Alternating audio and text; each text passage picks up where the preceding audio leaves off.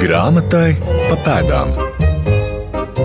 Latviešu grāmatai 500. Esiet sveicināti! Stāsts par 18. gadsimtā dzīvojušo vācu rakstnieku, filozofu, mistiķi, atpazīstam arī ar iesauku Ziemeļmakas, Johanu Georgu Hāmani, Raidījuma grāmatai pa pēdām, latviešu grāmatai 500, kontekstā būs mazliet neparasts. Neparasts, jo Hāmans nav bijis zinātņu vīrs tādā ierastā izpratnē. Viņš nav pabeidzis nevienu augstskolu laikā no 1752. līdz 67. gadam, kad ar pārtraukumiem Hāmans dzīvojas Rīgā un Jelgavā. Viņš strādājis kā pārvaldnieks, mājaskolotājs, advokāta palīgs. Dzimis un mūža novakarē arī atgriezies Kenigsbergā, tolaik karalaučos Austrumprūsijā, kur toties bijis intelektuāli sarunu biedrs savulaiki izcilākajiem šīs pilsētas prātiem.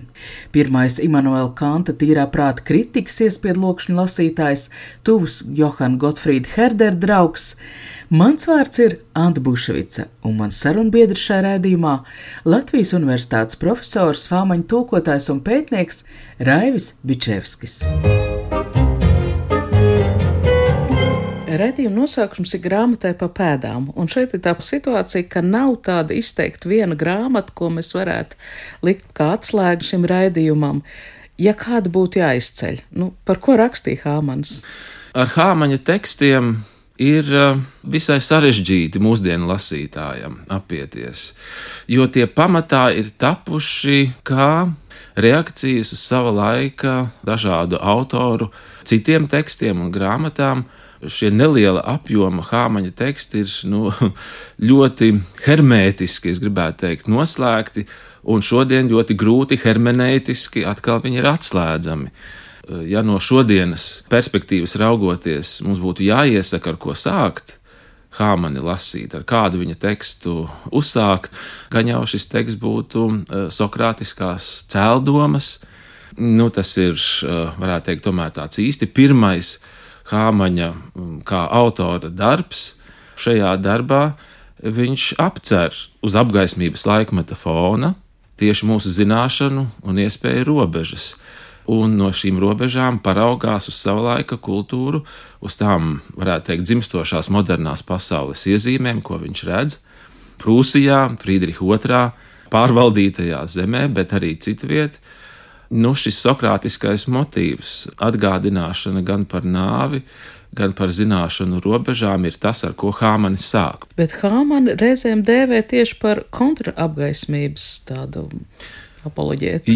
Jā, Tā ir nu, savulaik arī nu, no Rīgas nākušais Iesaija Berlīns, rakstot par romantismu, par Herderu un Hāmani, nodēvēja viņu par tādu iracionālismu pārstāvi domas vēsturē šobrīd, eh, palūkojoties uz Hāmaņa lasītājiem, akadēmiskajā vidē un vispār literatūru pārskatot, kas ir veltīta Hāmanim, drīzāk šķiet, ka pareizākais apzīmējums būtu, ka Hāmanis ir pats radikālākais apgaismotājs, kurš grib savā ziņā arī apgaismot apgaismību par tās, nu, varbūt neizjautātajām pusēm, Visvienkāršākais jau būtu atšķirt kādu hāmaņu grāmatu un palasīt viņu, bet Jā. latviski kādas iespējas ir?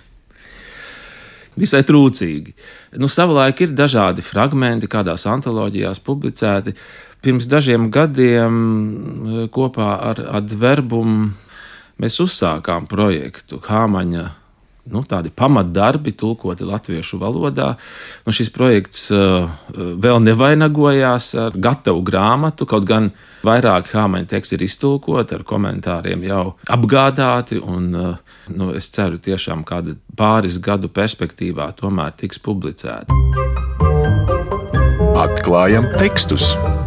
Tieši tādā veidā iztrūkstot no šiem varbūt hāmaņu oriģinālu tekstiem, nu man pieejamā valodā, es cenšos to hāmanu izzināt, proti kaut kādā šajos dialogos. Dialogos ar Kantu varbūt tad pabeigsim šo tēmu. Viņi bija personīgi pazīstami, viņi abi dzimuši Kenigsbergā. Jā, Kants ir viens no pat, varētu teikt, tuvākajiem Hāmaņa draugiem. Hāmanis ir, nu, burtiskā nozīmē pirmais, Kanta tīrā prāta kritikas lasītājs.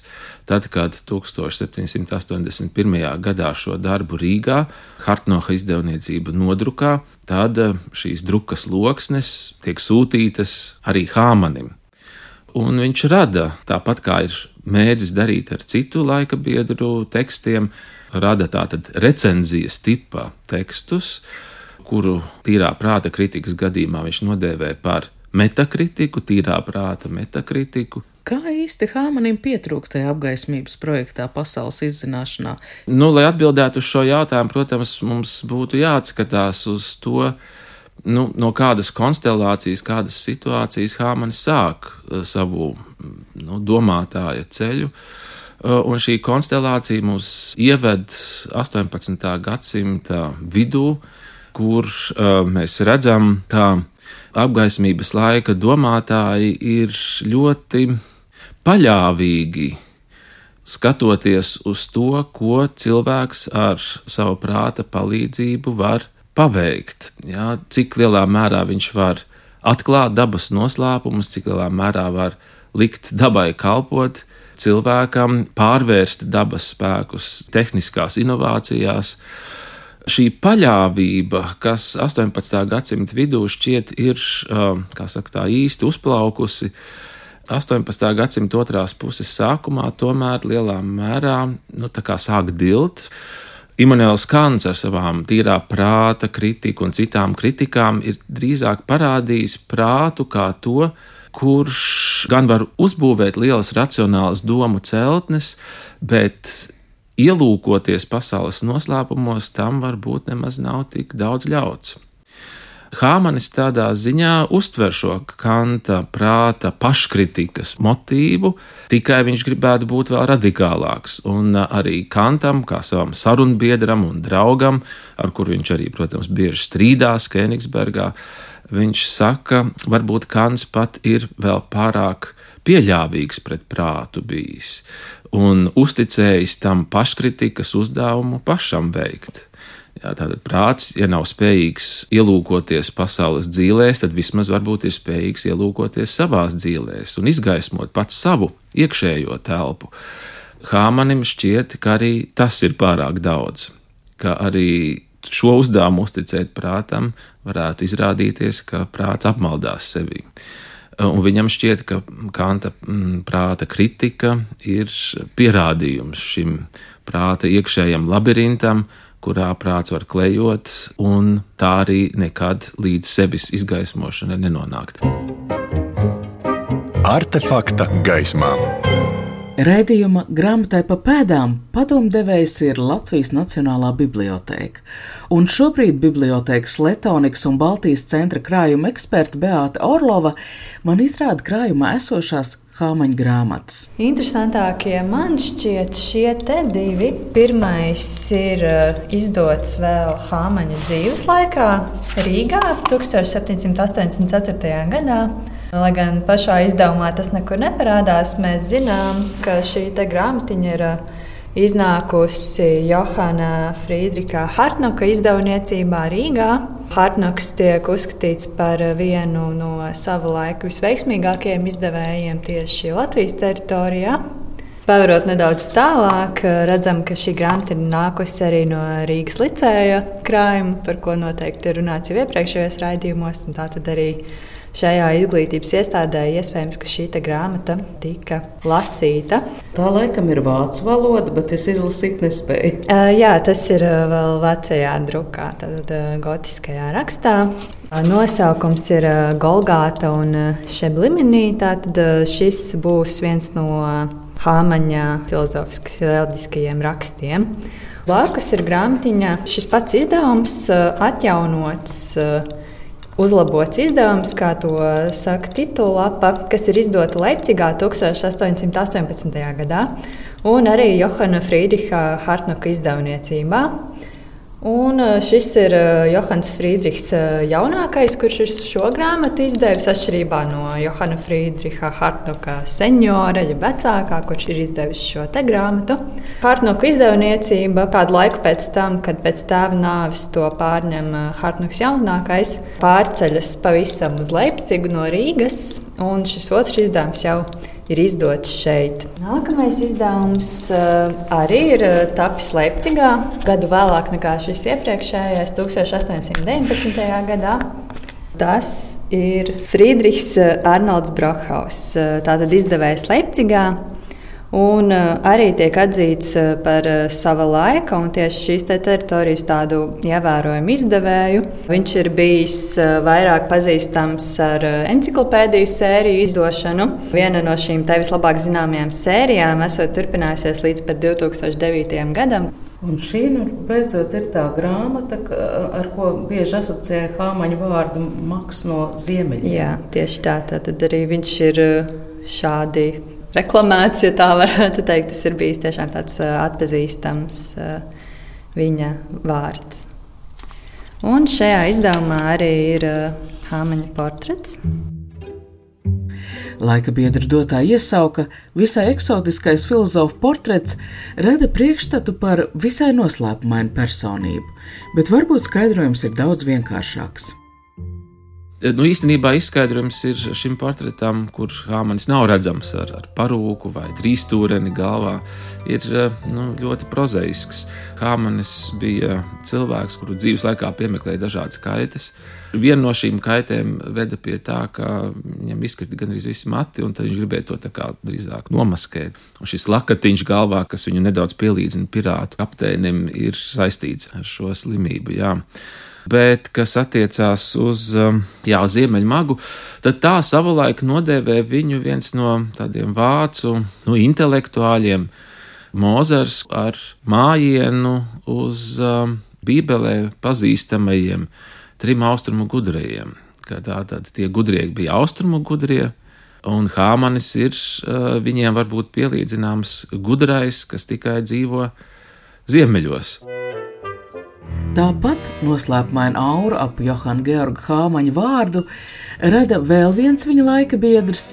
Hāmans Rīgā ieradās pēc bagātās Rīgas tirgotāja dzimtas Bērens uzaicinājumu, un konkrēti viņš bija Rīgas rādskunga un brīvmūrnieku zobenložas izveidotāja Johana Kristofa Bērenca bērnu maiskolotājs. Izpētes augsta. Runājot par bērnsiem, vai Hāmaņa uzskatos nozīme bija brīvmūrniecībai? Hāmanis, protams, labi pazina eh, daudzus cilvēkus, kuri tobrīd bija brīvmūrniecības ložās, un tāpat viņa Rīgas eh, biedrs un kādreizējais studiju biedrs Kenigsbergas Universitātē Johans Kristofs Bērens, un tāpat arī viņa skolnieks Johans Gotfrīds Herders. Starp citu, nejauši sanāca relatīvi nesen ieskatīties arī Kēnigsbergas brīvmūrnieku sarakstos, un tur var atrast gandrīz visus Hāmaņa draugus un paziņas, kas ir Kēnigsbergā. Bet ne Hāmani, viens no viņa tādiem vēlākiem tekstiem, kas ir rakstīts jau pēc sokrātiskām cēldomām, ir teksts ar brīnišķīgu un dīvainu nosaukumu Kongsom Paks, kurā viņš izvērš ne vairāk, ne mazāk kā brīvmūrniecības kritiku galvenokārt pārmetot brīvmūrniekiem, ka viņi mēģina radīt tādu jaunu, tādu kriptoreliģisku tradīciju ar atsaucu uz kādiem seniem aizvēsturiskiem, varbūt pat laikiem, ka tepat blakus vēl ir kristietība. Ja? Un šis varbūt konflikts, brīvmūrniecības un kristietības konflikts, kuru Hāmanis saskata, arī nu, tāda paļaušanās vai tāda pašsuģestija, ko viņš mēģina konstatēt jā, brīvmūrniecībā. Tad tie ir tādi motīvi, kas Hāmanim nepārāk patīk. Hāmaņa garīgajā ceļā, ko viņš apraksta arī savās grāmatās, liela nozīme bijusi tā sauktajai Londonas krīzē un apskaidrībai. Pirms kļūt par bērnu aizskolotāju, 1756. gadā Hāmans devies kā bērnu tirdzniecības nama pārstāvis Londonas misijā par kuras gan īsto mērķi ļoti mums šobrīd ir grūti spriest. Iespējams, ka tam bija saistība ar, ar bērnu tālajošiem plāniem Rīgas pilsētas statusu, tobrīd starp Krievijas impēriju, starp Prūsiju un Lielbritāniju. Var jau būt, ka viņš kala pat ļoti tālajošus politiskus plānus, mm, varbūt pat sapņoja par Rīgas pilsētas neatkarību pilnīgu, bet nu, to mums tagad šobrīd grūti rekonstruēt. Izpētes augsta. Mans sarunbiedrs Raivs Bičevskis iepriekš pieticīgi nepieminēja, ka plānoto hāmaņu tekstu tulkojumu un komentāru autors ir viņš pats. Taču interesanti ir arī plānotā izdevēja Sijā adverbuma saikne ar Hāmaņu vārdu Rīgas pilsētvidē. Adverbuma īpašnieki iegādājušies Hāmaņu mūžu un šobrīd norit tās atjaunošana, taču šī mūža patiesībā uzcelt apmēram simts gadus pēc Hāmaņa nāves. Tā piederējusi stiepļu fabrikantam Hermanim Rālenbekam un savu nosaukumu mūžiņa ir aizguvusi no Hāmaņa ielas Rīgā. Citos avotos nepareizi minēts, ka Hāmans regulāri savas dzīves laikā uzturējies Hāgena mūžā, kas arī ir saglabājusies līdz mūsdienām un atrodas blakus valsts arhīvā ēkai Pārdaugavā. Šis minējums tīri geogrāfiski ir tuvāks patiesībai, jo blakus Hāgena mūžai atradās angļu tirgotāja Džona Heija mūža, kurš drupas atklāts iespaidīgs daudz dzīvokļu ēkas torņu būvdarbu laikā. Starp citu, no jauna uzceltā rezidenču centra viens tornis nosaukts Herdera, otrs Hāmaņa vārdā, jo lūk laikā no 1753. līdz 59. gadam, kad Hāmans patiesi uzturējās Rīgā, Heija mūža bija Bērensu ārpilsētas pilsētas rezidence. Un tā arī radusies leģenda, ka šai pārdagos mužā ir dzīvojis Hāmans, vēlāk arī Herders, kam dēļ Hāmaņa ielas kokiem apstādītais sākums iesaukts par filozofu aleju. Raivis Bičevskis to drīzāk gan uzskata par skaistu leģendu šis apzīmējums, eh, filozofa aleja vai filozofa ceļš, tā izcelsme nu, īstenībā visai neskaidra. Nu, tā vien šķiet, ka mm, šis apzīmējums vispār ir nostiprinājies 19. gadsimta gaitā. Tā tad eh, Hāmaņa laikā eh, laikam gan vēl nē. Un vai Hāmanis tik tiešām ir viesojies šajā Bērensu tajā brīdī ārpilsētas? Mājā, un to grūti spriest. Skaidrs, ka viņš, protams, ir dzīvojis Bērencu pilsētas mājā, jau, kas tagad ir Mārstaļa iela 16. Atklājam tekstus! Līdz šim maz pētīta Hāmaņa atstāto rakstu tēma. 1768. gadā viņš bija pirmās Jelgavas avīzes Mītavas ziņas redaktors. Jelgavā Johans Georgs Hāmans atgriezās divreiz. Zaļajā mūžā viņš strādāja pie ģenerāļa von Vitena kā mājaskolotājs, tad no Jelgavas viņš devās uz Rīgu pie bērenciem, septiņgadu kara laikā atgriezās Kēnigsbergā pie sirkstošā tēva, bet pēc tam atgriezās Jelgavā otrais. Tas otrs posms, kad viņš jau 60. gadu sākumā atgriežas Baltijā, ir saistīts ar viņa darbu pie advokāta Totīna Jelgavā. Starp dažādiem pienākumiem, kas viņam ir advokātu birojā uzlikti, viens no tiem ir arī nu, īstenībā Kurzemes hercogas pirmās avīzes redaktūra. Nu, īstenībā jau nu, vismaz tos uh, pirmos tātad 65. un 66. gada numurus Hāmanis īstenībā saraksta pats. nu, pamatā tur ir e, informācija par e, to, kas notiek tobrīd Polijas e, Seimā. Jā, tobrīd Kurzemes hercogs ir cieši saistīta ar Poliju. Šie mītavas ziņu numuri Daži no tiem ir Nacionālā bibliotekā, tepat Rīgā pieejami. Īstenībā nav kritiski izvērtēti, es gribētu teikt. Tas ir tāds vēl nu, nedaudz neizgaismots posms un teksti Hāmaņa tekstu produkcijā. Jēlgavā gan ir filozofija iela un tai ir vēsturisks pamatojums, te patiesi pastaigājās Hāmans kopā ar Herderu, viens no redzamākajiem romantismu pamatlicējiem, garlība Merķeļa darba atbalstītājiem un latviešu tautas dziesmu pierakstītājiem, Johans Gotfrīds Herders Hāmanu sauc par savu skolotāju. Svarīgā grāmatzīme. Hāmanis vienā no saviem darbiem, kas saucās eh, Estētika Rieksta Čaumalā, atsaucās šī darba noslēgumā uz latviešu tautas dziesmām. Viņš raksta, ka viņš kādreiz ir klīdis pa vidzemes un kurzemes laukiem un dzirdējis, kā latviešu zemnieki dzied savas tautas dziesmas, ja, darot kādu lauku darbu. Un šīs tautas dziesmas viņam ļoti atgādinot to pašu taktsmēru, vai tās tiek dziedātas tajā pašā taktsmērā, kāds ir raksturīgs Homēra Iliādai. Viņš, protams, grib norādīt ar šo nu, salikumu uz to, kā daba, kā viņa doma, ko viņš attīstīja savos tekstos, ka daba kā dievišķs vārds uzrunā cilvēkus caur maņām un jutekļiem. Šī uzruna vienmēr ir lokāla, saistīta ar vietējo klimatu, apstākļiem, vēsturi, citiem vārdiem, ka ikvienā vietā un ikvienā kultūrā cilvēki mēģina izteikt šo dabas uzrunu savā valodā un savā īpašajā, īpatnējā veidā.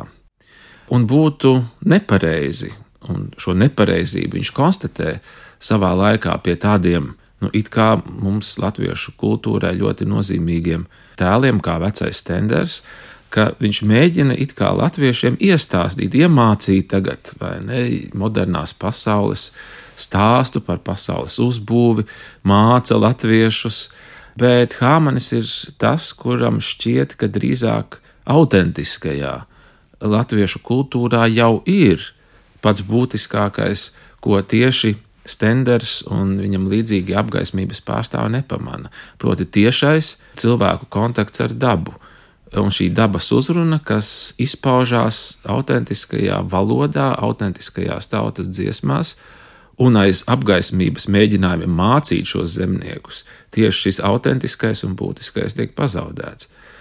Un šo motīvu uztver tālāk Herders. Šī hāmaņa doma Herdera izpildījumā kļūst par pamatojumu nacionālās kultūras un daudzo nacionālo kultūru ne tikai pastāvēšanai, bet arī kopšanai. Artefakta gaismā. Šis ir Hāmaņa rakstu kopums no astoņiem sējumiem līdz mums ir nonākuši četri šeit. Esam atpakaļ Latvijas Nacionālajā bibliotēkā. Beata Orlova man izrāda krājumā esošos Hāmaņa kopotos rakstus, kas iznāk jau gadus 40 pēc Hāmaņa nāves Berlīnē. 19. gadsimta 40. gadi. Šeit pirmajā sadaļā arī ir satura rādītājā redzam, ka šeit ir iekļauti arī Hāmaņa autobiogrāfiskie raksti, ko viņš ir pats par savu dzīvi vēlējies pastāstīt, un arī viņa vēstules. Kopotos rakstus, kuram katram neizdod. Dzīves laikā ir izdoti īstenībā tikai daži viņa tekstiņi, un arī īstenībā tādās brošūru veidu izdevumos savā draugu lokā viņš ļoti augstu vērtēts. Tāda atzinība, kas izpaustos tekstu formā, nāk ļoti lēnām.